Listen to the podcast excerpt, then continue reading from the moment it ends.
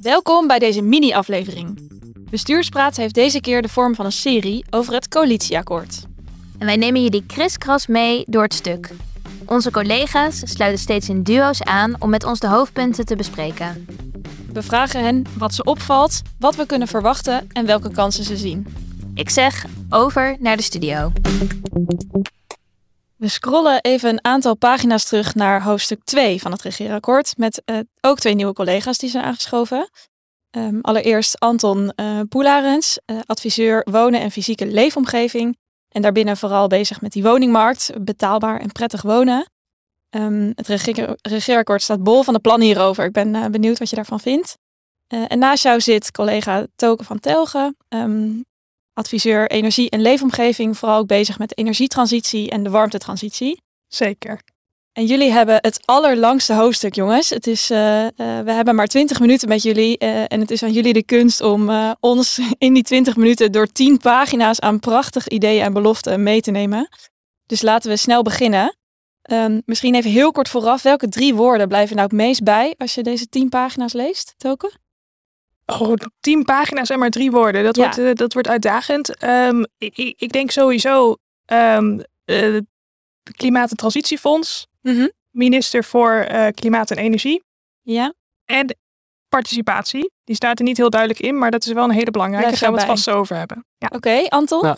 Uh, nou ja, minister voor volkshuisvesting en ruimtelijke ordening. Ja. Het gaat helemaal niet meer over wonen. Het gaat niet meer over de woningmarkt. Het gaat om volkshuisvesting tegenwoordig. Ja. Uh, regie. Echt de regie pakken. En 100.000 woningen per jaar. Ja, nou, mooi met een verschil wel een beetje te zien. Een beetje dichterlijke vrijheid met de hoeveelheid woorden. Maar wel volgens mij zes mooie onderwerpen waar we het over moeten hebben. Zeker, zeker. Hey, de, de titel van dit hoofdstuk belooft ons een duurzaam land.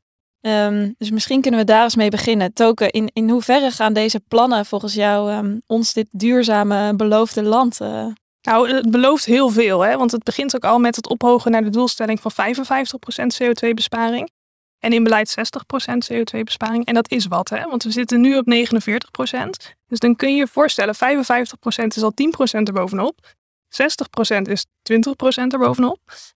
Dus ja, dat belooft heel veel duurzaamheid. En vervolgens werken ze dat uit in heel veel punten. Dus er komt heel veel voorbij. Um, maar ik denk dat er heel veel vragen nog gaan komen over de haalbaarheid ervan. Ja. En uh, er, er, komt echt nog wel veel bij kijken. Dus het wordt een hele spannende tijd. Ja. En die haalbaarheid, ja, voor even voor de luisteraar thuis, voor wie is de. Waar... Het zit hem op allerlei vlakken natuurlijk. Um, kijk, we zijn veel bezig met de gebouwde omgeving. Ze hebben het over allerlei technieken, ook in het, uh, in het uh, regeerakkoord. Maar het is heel erg de vraag van welke technieken kun je op welke termijn realiseren, onder welke voorwaarden. Dus om bijvoorbeeld, als je dan kijkt naar het beleid maken, um, ze bouwen daar een aantal checks voor in. Want er is best wel veel commentaar ook op, hè, van als we zo snel gaan, kun je dan wel de kwaliteit waarborgen. Uh, en een aantal checks die ze daarvoor inbouwen zijn bijvoorbeeld het instellen van een onafhankelijke wetenschappelijke adviesraad. Die gaat kijken naar het beleid, het beoordelen en adviseren. Mm -hmm. uh, ze willen een generatietoets inbouwen, dus kijken van het beleid wat we nu maken, in hoeverre is, uh, heeft dat effecten voor de generaties na ons, want daar doen we het uiteindelijk voor. En ze willen burgers actief betrekken bij beleid. Als je die drie dingen er allemaal instopt bij het proces om tot beleid te komen, dat vraagt nogal wat van de snelheid waarin we zitten en de doelen die we over acht jaar al behaald moeten hebben, bijvoorbeeld. Ja. En, en wat bedoel je met technieken? Nou, je hebt bijvoorbeeld, hè, nu wordt er veel ingezet op wind op land, zon op land. Maar je ziet dus ook juist dat ze bijvoorbeeld nu meer gaan kijken naar wind op zee en zon op dak. Nou ja, dat vraagt ook een bepaalde omslag. Dus wind op land ligt nu even tijdelijk bijna stil vanwege het nevelarrest. Dus het feit dat er nu geen activiteitenbesluit is. Dat vraagt wel van de plannen die er nu waren voor wind op land, om daar even een stap op terug te doen. En dan moet je misschien andere plannen gaan maken, of moet je gaan wachten totdat er meer bekend is over de huidige plannen. Ja, dat vraagt wat flexibiliteit en dat staat een beetje op spanning met de snelheid en de stappen die gezet moeten worden om die doelen te behalen. Ja, Ja, dus precies. ik, hoor, ik hoor voorzichtigheid, uh, uh, maar wel mooie, mooie plannen. Ja. Wat valt jou op, Anton, als jij dit uh, leest vanuit jouw expertise? Ja. Nou ja, eigenlijk hetzelfde. Hele mooie, ambitieuze plannen. Hele grote doelen. 100.000 woningen per jaar om even concreet te maken. Nu worden er tussen de 70.000 en 80.000 gebouwd. Dat is al een ontzettend grote opgave. 20.000 woningen erbij. Gaan we niet zomaar redden. als we het gaan redden, mogen we al heel blij zijn. Maar ja, we zullen zien. En daarvan, van die 100.000 woningen, moet ook nog twee derde betaalbaar zijn. Terwijl Ja. je nu ziet dat nou, 30, 40 procent binnen een eh, plan of zo betaalbaar is gemiddeld. En nou ja, dat, is, eh, dat gaat nog wel een hele uitdaging zijn, maar wel een hele terechte dat we daar veel harder aan gaan werken. En dat is de andere kant ook, dat het Rijk gaat echt weer een rol spelen op binnen de volkshuisvesting. Niet op de woningmarkt, binnen de volkshuisvesting. Wat zie je? Dat, nou ja, het, is- het is heel erg afhankelijk, want dat is een van de dingen die natuurlijk opvalt. Eh, er is een eigen minister weer, een eigen minister Ja. voor volkshuisvesting, ruimtelijke ordening. Het, dat is Hugo de Jonge, bij iedereen bekend. Ja. Ehm, ik verwacht dat het een minister is die ook echt positie gaat pakken. Het is een minister die de eh, spotlights graag op zich gericht ziet. Ja. Ja, dat, eh, dat is denk ik wel welkom. Maar dat betekent ook dat de ruimte voor gemeenten, provincies eh, zal afnemen. En veel meer ehm, verwachtingen neergelegd gaan worden bij provincies en gemeenten. En dat die niet meer de volledige vrijheid eh, gaan krijgen. Ja, want ik, ik vind dat wel een hele interessante. Hè? Want je ziet veel gemeenten die zijn wel allerlei visies en beleid hierop al aan het ontwikkelen, al een tijd. En de, de woningcrisis die speelt enorm, ook in de politiek en ook in, in Ja. de ambtenarij. Hoe, hoe, zie, hoe zie jij dat gebeuren? Dat het Rijk dan regie gaat nemen in een opgave die op decentraal niveau al zo erg aan het spelen is? Ehm goeie vraag. Het, dat is ook wat ingevuld moet gaan worden. En daar, nou, dat is dus nog wel een zoektocht. Hoe gaan ze dat invullen? Afhankelijk van hoe eh, Hugo de Jonge, hoe het ministerie van BZK dat wil gaan invullen, gaat het uitwerken. Eh, er is de afgelopen jaren wel heel veel voorwerk gebeurd. Er is overleg eh, geweest tussen de regio's en het Rijk. Er zijn woondeals gesloten, verstedelijkingsstrategieën gemaakt. Dus de basis ligt er. En nu zal dat omgevormd moeten gaan worden naar hardere prestatieafspraken. Dat woord komt ook langs. Ja. En ehm, er is ook geld beschikbaar, 7,5 miljard voor mobiliteit voor ontsluiting van woningen. Dus dat is nog wel interessant. Dat zit niet bij de minister eh, Hugo de Jonge, maar bij INW. Maar de combinatie van geld en harde afspraken maakt wel mogelijk dat er eh, verwachtingen komen te liggen.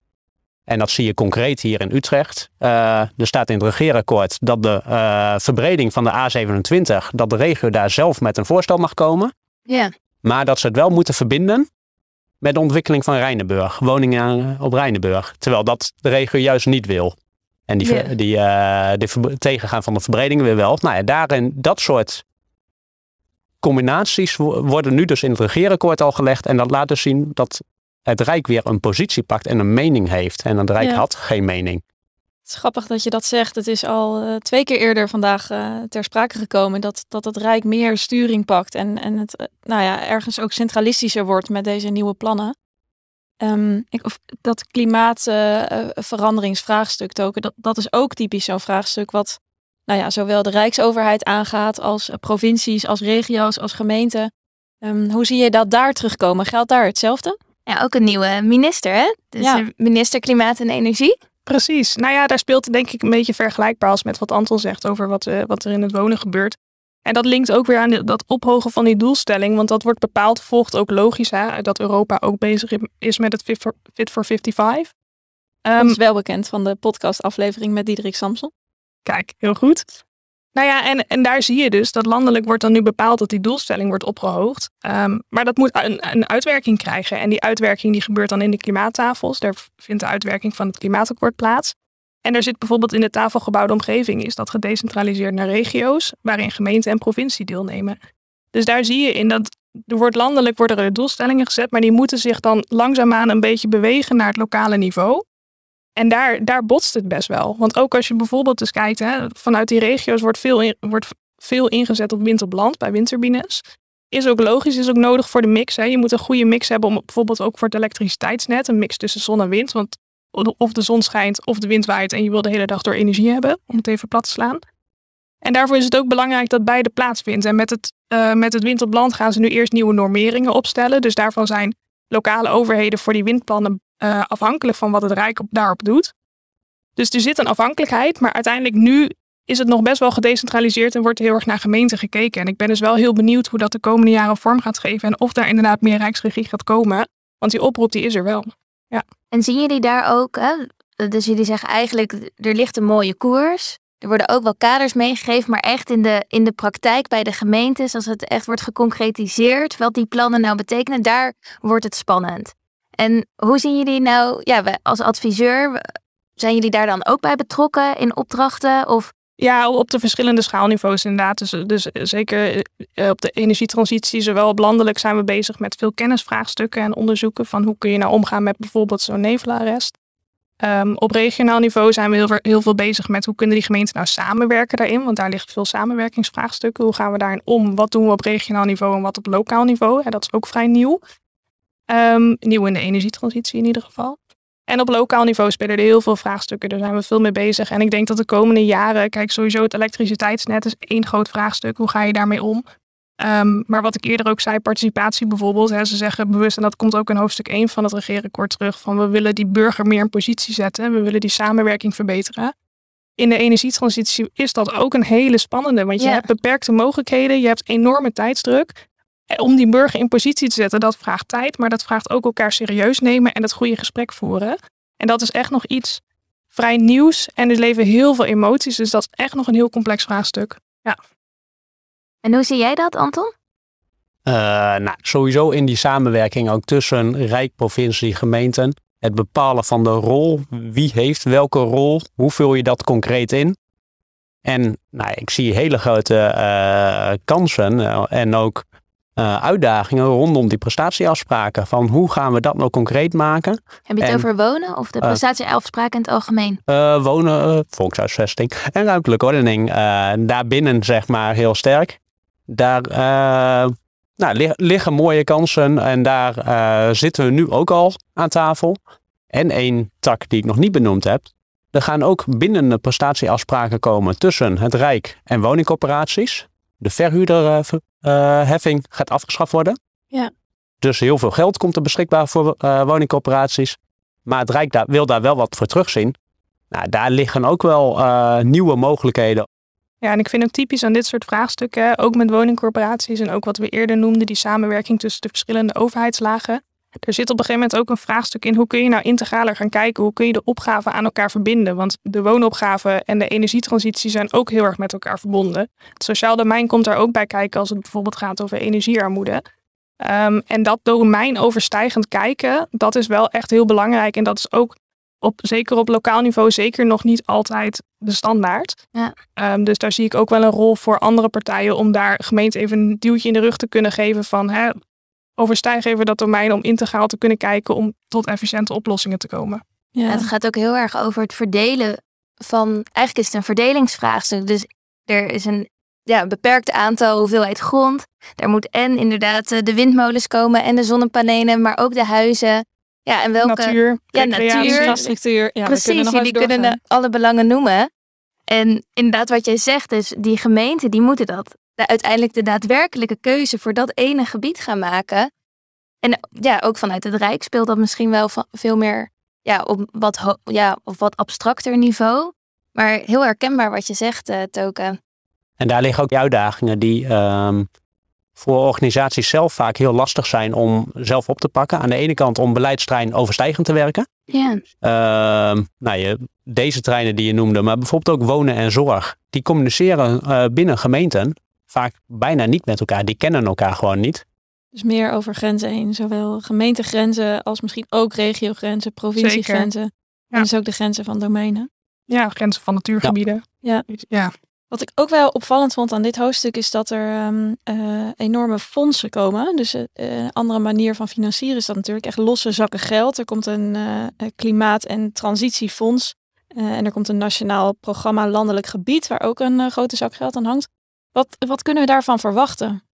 Nou ja, als ik, als ik eh, kijk naar dat klimaat- en transitiefonds, er wordt inderdaad best wel veel eh, over geld gesproken. Hè. V- 35 miljard wordt er neergezet voor de komende 10 jaar.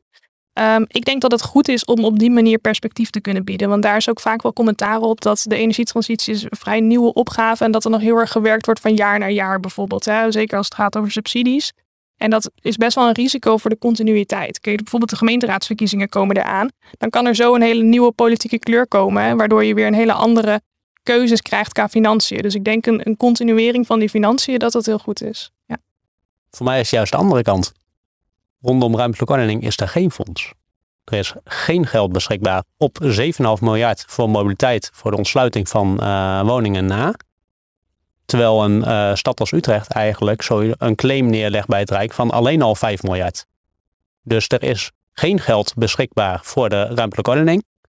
En het is dus heel erg de vraag, hoe gaan we die ambities dan verwezenlijken? En hoe gaat het Rijk positie pakken? Want dat betekent dat je gewoon uh, niet met geld in ieder geval de onderhandelingen kan aangaan. Hoe dan wel? En dat gaat een hele zoektocht ook zijn. En ook um, rondom die betaalbaarheid van woningen, twee derde betaalbaar.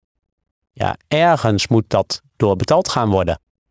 En uh, of financieel, of dat de ambities op andere terreinen lager worden, uh, minder duurzame wijken of uh, minder OV georiënteerd of op andere vlakken. Dus da daar gaat juist op het trein van de volkshuisvesting ruimtelijke ordening de uitdaging liggen.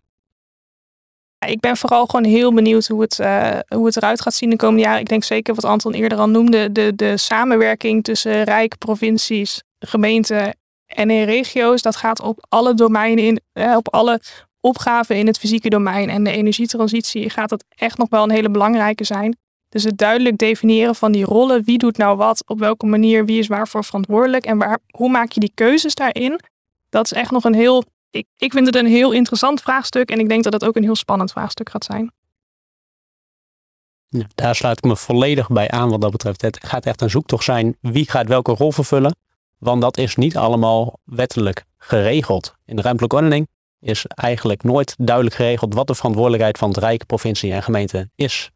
Dus dat gaat een zoektocht zijn. Dat lijkt me een mooie afsluiting van dit hoofdstuk. Uh, tien pagina's waar we in de sneltreinvaart doorheen zijn gegaan. Uh, jullie gaven al aan, we hadden graag meer tijd gehad. Maar uh, we spreken er een andere keer vast over door. Dank jullie wel. Ja, dank jullie wel. Ook bedankt.